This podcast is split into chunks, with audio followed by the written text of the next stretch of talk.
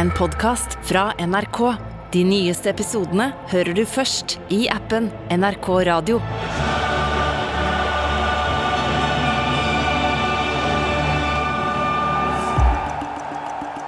Et kokende fotballstadion og nerver i høyspenn.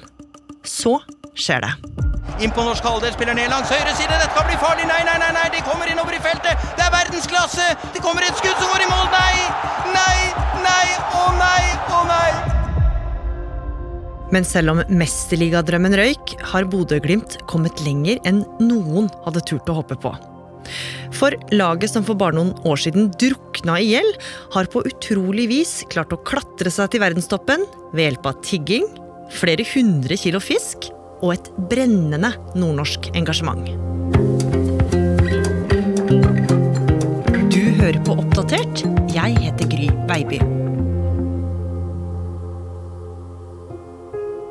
Året er 2010, og det er glissent på fotballstadion i Bodø. Hjemmelaget til Nordlands største by sliter på banen. Nå har også mange av supporterne slutta å møte til kamp. Men det er på ingen måte det største problemet til Bodø-Glimt. Klubbledelsen jobber med ryggen mot veggen for å berge Bodø-Glimts videre eksistens. Sponsor- og publikumssvikt har nå ført til at klubben frykter konkurs. På pauserommet på Aspmyra stadion går klubben gjennom de blodrøde talla, og både spillere og ledelsen river seg i håret over situasjonen.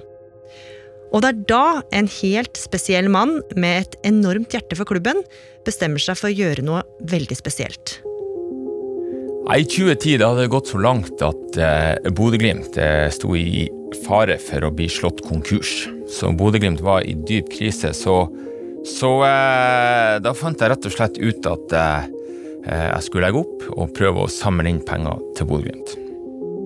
Runar Berg er en av de viktigste Bodø-Glimt-spillerne gjennom tidene. Han har spilt over 500 kamper med gultrøya på, flere enn noen andre spillere. Ikke bare hadde han spilt hele forrige sesong gratis for å prøve å redde stumpene, nå vil han gjøre noe enda mer drastisk. Hjemme hos seg selv i Bodø, bare timer etter at han har avslutta spillerkarrieren, setter han seg ned foran PC-en. Der åpner han et nytt e-postdokument og begynner å skrive. På mottakerlista står en haug med mennesker han håper kan hjelpe klubben. Han trykker send, og så er den ute i verden. Hallo, alle sammen. Runar Berg her. Vi vet alle hvor mye Bodø-Glimt betyr for barn, ungdom og voksne i en hel landsdel. Halvdan Sivertsen sin sang 'Bodø-Glimt for evig' er kåret til tidenes beste fotballsang. Hvis Bodø-Glimt går konkurs, blir det ikke noe for evig. Det er borte. Det er nå eller aldri. Kontonummer 8902 14 69492. Sperra konto. Ved konkurs blir pengene tilbakeført til giver. Videresend denne mailen til alle du kjenner. Det var nok bra mange som ble overraska når de åpna den mailen fra Runar Berg en ettermiddag i september. En av dem som eh, så denne e-posten, det var deg, Benjamin Solås.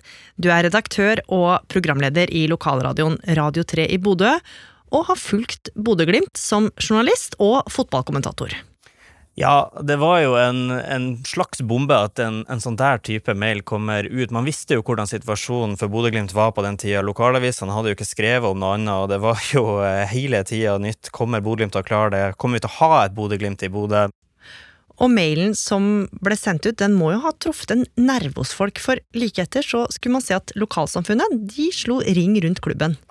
Er det én ting vi er vant med her oppe i Bodø, så er det jo et eh, folkeslag som holder rundt hverandre og tar vare på hverandre, og det fikk vi jo også se i dette tilfellet. Her får Bodø-Glimt overført 60 000 kroner i krisehjelp fra sin egen supporterklubb. For å prøve å hjelpe i den økonomiske krisa di, for å prøve å sette i gang en ball. Og håpe at flere hiser på. Alle pengene som kom inn, havna da på en sperra konto, som det sto i mailen, og at eh, folk ble lova de tilbake hvis det utenkelige skulle skje. Det var jo også veldig interessant eh, lokalaviser som eh, hadde ei liveoppdatering på kontoen med hvor mye som kom inn, sånn så kunne alle følge med. Blir Bodø-Glimt redda, var spørsmålet i Bodø. Og det var jo ikke bare disse inntektene. Folk slengte seg jo på med kreative påfunn. Vi eh, bidrar med 200 kg flott lofotsskrei, som vi har lyst til å sende over fjorden i beste tid når torsken er å gyte her i januar og februar. I tillegg har folk begynt å donere ting til auksjonen for Glimt, og på slutten av dagen fikk Glimt 100 kg breiflabb. Det, det kan bety mye penger hvis vi greier å forvalte rett. Og engasjementet det fikk mailavsender og Glimt-legende Runar også kjenne på. På gatekjøkkenet etter å ha vært på byen, så kasta folk 200-lapper på meg sa at Bodø-Glimt trenger pengene mer enn jeg gjør. Ta de, redd Glimt. Og det var, det var litt et opplegg der eh, den perioden, men um, jeg skal si, det var jo, det var jo en stor dugnad ifra hele regionen, altså. Og Benjamin, snart så begynte jo denne kontoen å fylle seg opp, og klubben var i ferd med å håve inn en haug med penger. Ja, plutselig så var det tre millioner kroner på kontoen til Bodø-Glimt. Veldig, veldig mye for veldig, veldig mange av oss, men ikke nok for å redde Bodø-Glimt. Fortsatt så hang det et konkursspøkelse over Nord-Norges stolthet og Bodøs største merkevare. Ja, for selv om pengene hadde begynt å renne inn, så var det jo allikevel ikke nok. Nei, 40 millioner kroner var det Bodø-Glimt hadde i gjeld, og situasjonen var kritisk. Det var faktisk så kritisk at spillerne måtte gå enda mer ned i lønn for å redde Bodø-Glimt. Og man kan jo si det sånn at hvis man er trua med å ikke få lønn, så blir det dårlig stemning i en fotballklubb. Over ei uke etter at septemberlønna skulle vært på konto, har verken spillere eller trenere fått penger. Nå har det gått en tre-fire dager over lønningsdato, og da, da merkes det jo på privatøkonomien til hver enkelt. Hvor mye penger har du igjen på lønnskontoen? Eh, det begynner å nærme seg tomt. Jeg må bare innrømme det. Så det trengs å komme noe inn snart. Og på årsmøtet i 2011 så møtte bekymra styremedlemmer ledelsen i Bodø-Glimt. Med det gule banneret bak seg så satt de på rekke og rad mens de studerte de mange minusene i budsjettet. Et av styremedlemmene gikk gjennom klubbens budsjett for 2010 og avslutta enkelt og greit med å si mer blakk enn det Glimt er. Det kan man ikke bli. Men Benjamin, så skjedde det noe som fikk det hele til å snu. Ja, det gjorde nemlig det, for der satt det en gjeng lokale investorer som hadde et stort hjerte for klubben, og de bestemte seg vi skal redde Bodø-Glimt, og kanskje også tjene litt penger på lang sikt. Det var fortsatt mange gode spillere på dette Bodø-Glimt-laget. Og jeg vil tro de tenkte at eh, om de kjøpte opp rettighetene til spillerne, så er også det noe de kan tjene penger på på god sikt. For det var god butikk å selge spillere videre til andre lag. Så de slo seg sammen og kjøpte rettighetene til spillerne for 25 millioner. Og valget de lokale investorene hadde tatt, det snudde om på alt. Nå var all gjeld borte, og Bodø-Glimt kunne starte med blanke ark. Og med det så hadde stemninga fullstendig snudd. Fra der det så mørkt ut, var det plutselig lyst og grønt. Og det markerte Bodø-Glimt med å male kafferommet på Aspmyra grønt, som markerer at tallene plutselig var grønne og ikke røde. Og nå kunne Bodø-Glimt endelig ta fatt på det som jo er den viktigste jobben for et fotballag, nemlig å spille fotball. Og de neste åra var det både opp- og nedturer, og de sleit med å holde seg i Eliteserien.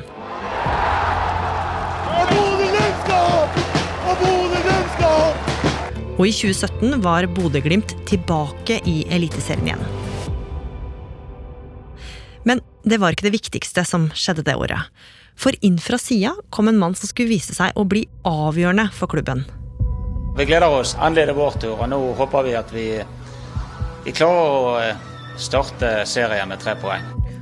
Bergenseren Kjetil Knutsen han var en mann i slutten av 40-årene. Han hadde akkurat fått sparken i bergensklubbene Åsane og Fyllingsdalen før den tid, så han var ikke akkurat en ettertrakta trener på markedet.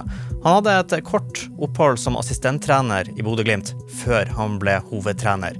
Nå hadde han kommet, og et klart mål for øyet. Han skulle gjøre dette laget dritgod. Og For å nå det målet så hadde han en klar strategi. Blant annet så begynte Bodø-Glimt å trene mye hardere, og de økte nivået på treningene sine. Folk i teamet fortalte bl.a. at eh, Kjetil hadde et så knallhardt treningsregime at hvis ikke spillerne leverte opp mot 100% på trening, ja, da kunne han finne på å sende de rett i garderoben. Og ansettelsen av eh, Kjetil Knutsen det skulle vise seg å være et smart trekk. Og allerede året etter så ga det uttelling. Nydelig ball til Saltnes, som er igjennom, og som setter i mål! 3-0-seieren i går sikra medalje i årets eliteserie for Bodø-Glimt. I dag var vi nest best, og vi har vært nest best i sesongen. Så i sum så er vi kjempefornøyd med det.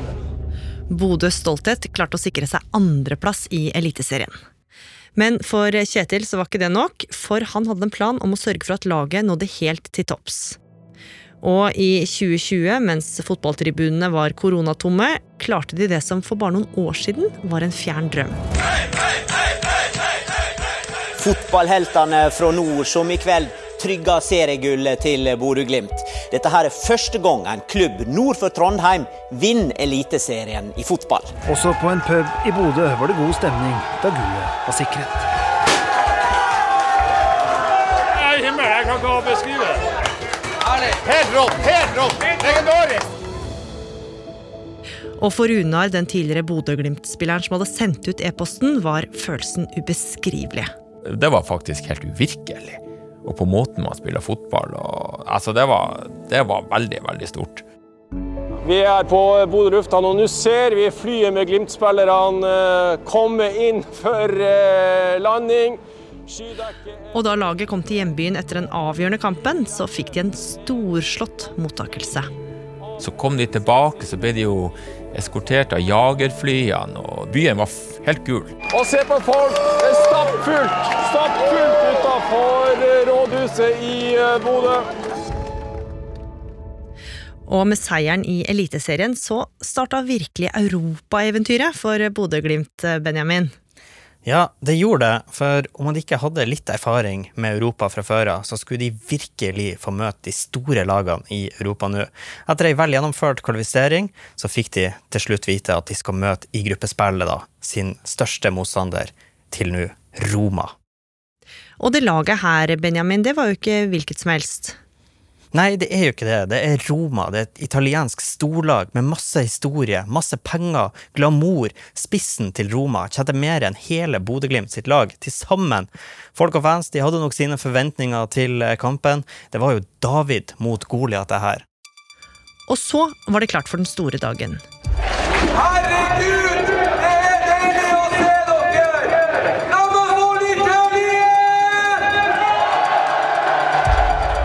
Det var mørkt, det var kaldt, det var flomlys over Aspmyra. Et fullsatt Aspmyra, ikke et ledig sete å se spente bodøværinger som gleder seg til å se sitt kjære Bodø-Glimt mot giganten Roma. Og så skjer det ingen hadde trodd skulle skje. Bodø-Glimt tar ledelsen mot Roma. Ikke åtte minutter spilt engang før de helgule setter ballen i nota. Aspmyra er i ekstase. Og vi skal ikke vente mer enn litt over ti minutter til, så skjer det igjen. Bodø-Glimt skårer. Roma får ei redusering. Aspmyra tenker det var den moroa. Nå kommer Roma tilbake. Laget går til pause, og Bodø-Glimt kommer ut som kun Bodø-Glimt kan. Det blir mål, det blir mål, det blir mål, og det blir mål. Bodø-Glimt knuser giganten Roma 6-1 på egen hjemmebane. Det her var helt ubegripelig. 6-1, hva er det som skjer? Vi har røyspilla Roma!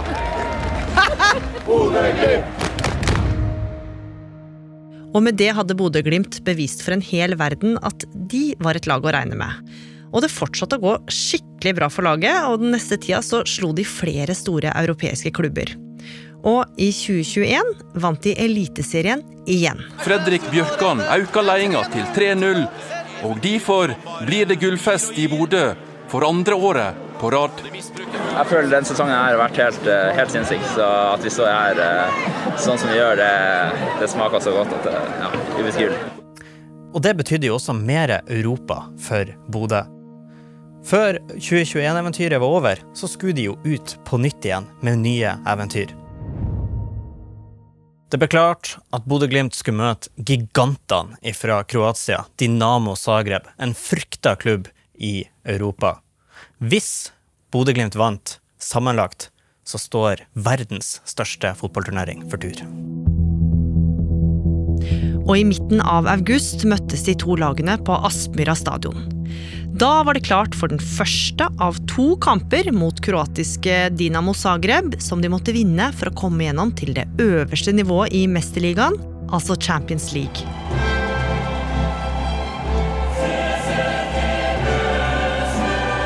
Mesterligahymnen runga over stadion som et tegn på at de nå var inne i det gjeveste selskap. For Runar, som tolv år tidligere hadde sendt ut e-posten, var det et sterkt øyeblikk. Det var litt av noen bilder, og når denne Champions League-hymnen runga over Aspmyra i var faktisk 20 grader og utrolig sånn der fint vær og flomlys og Ja, det var Det er jo heller faktisk ikke til å tro at det er mulig, da.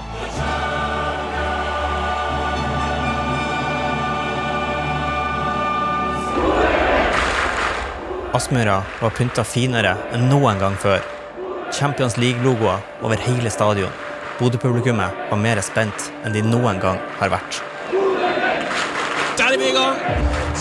Bodø-Glimt åpna som de har gjort, mot storlag på storlag tidligere. De tar kommandoen i kampen. Utklassa til tider sine kroatiske motstandere, og etter 37 minutter skjedde det. Buka slår inn. Der er det skåring! Der er det skåring! Amahl Pellegrino sendte Bodø til himmels. Bodø-Glimt opp i 1-0 over Zagreb! Kampen endte 1-0, og Bodø-Glimt vant historiens første Champions League-kamp på Aspmyra. Fotball-Norge var i ekstase, og nå begynte folk å spekulere i om Norge for første gang på 15 år kunne få et fotballag i selveste Mesterligaen. Og det skulle man snart få svaret på, for nå, i slutten av august, var det klart for omkampen mot Zagreb, en kamp som skulle avgjøre alt. Det er en drøy time til en av de viktigste kampene i Bodø-Glimt sin historie. Det betyr en stor økonomisk eh, sum inn til Glimt òg, samtidig så de drar opp norsk fotball på kartet. Og nervene var i høyspenn kvelden Bodø-Glimt skulle spille sin viktigste kamp noensinne. Ja, det var det. Bodø kokte. 50 000 bodøværinger satt alle klistra til TV-skjermene sine for å følge Bodø-Glimt sin største kamp til nå i historien.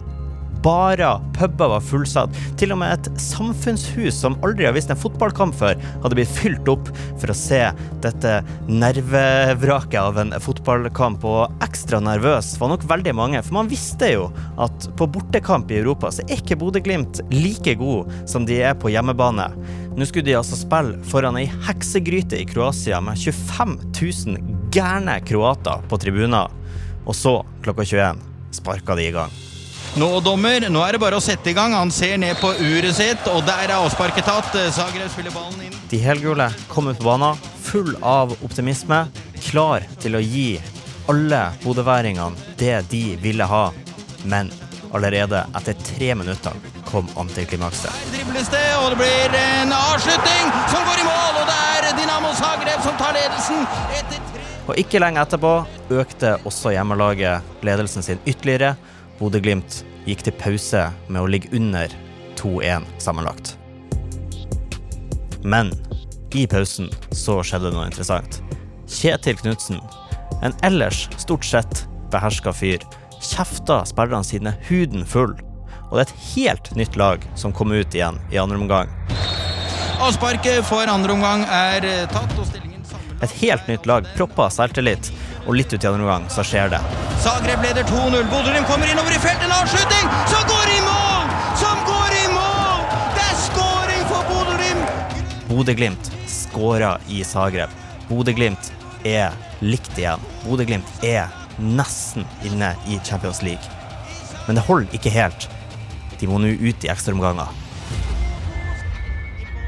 Etter å ha dominert andreomgangen og vært det desidert beste laget i ekstraomgangene, så kom dessverre kalddusjen i sluttminuttene. Det kommer et skudd som går i mål! Nei! Nei! Nei! Å nei! Å nei! Å nei!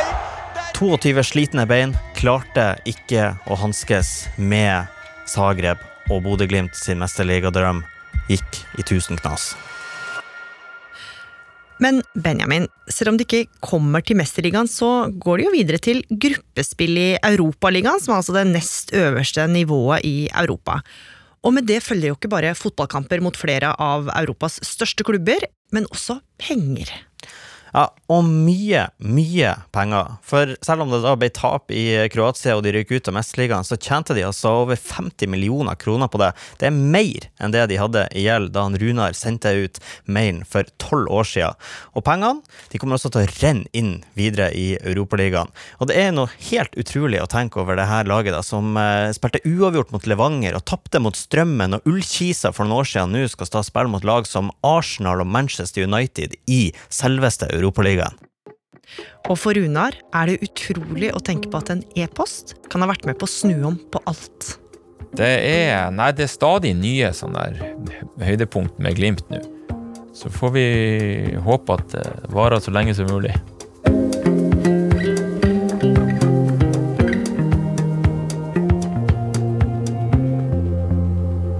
Oppdatert er en podkast fra NRK Nyheter, og denne episoden er laga av Hanna Kolås. Andreas Berge. Og meg, Gry Veiby. Programredaktør er meg, Knut Magnus Berge. Klippene du har hørt, er fra TV 2, VG, Eurosport og NRK. Har du tips eller innspill, så må du gjerne sende oss en e-post på oppdatert krøllalfa nrk.no.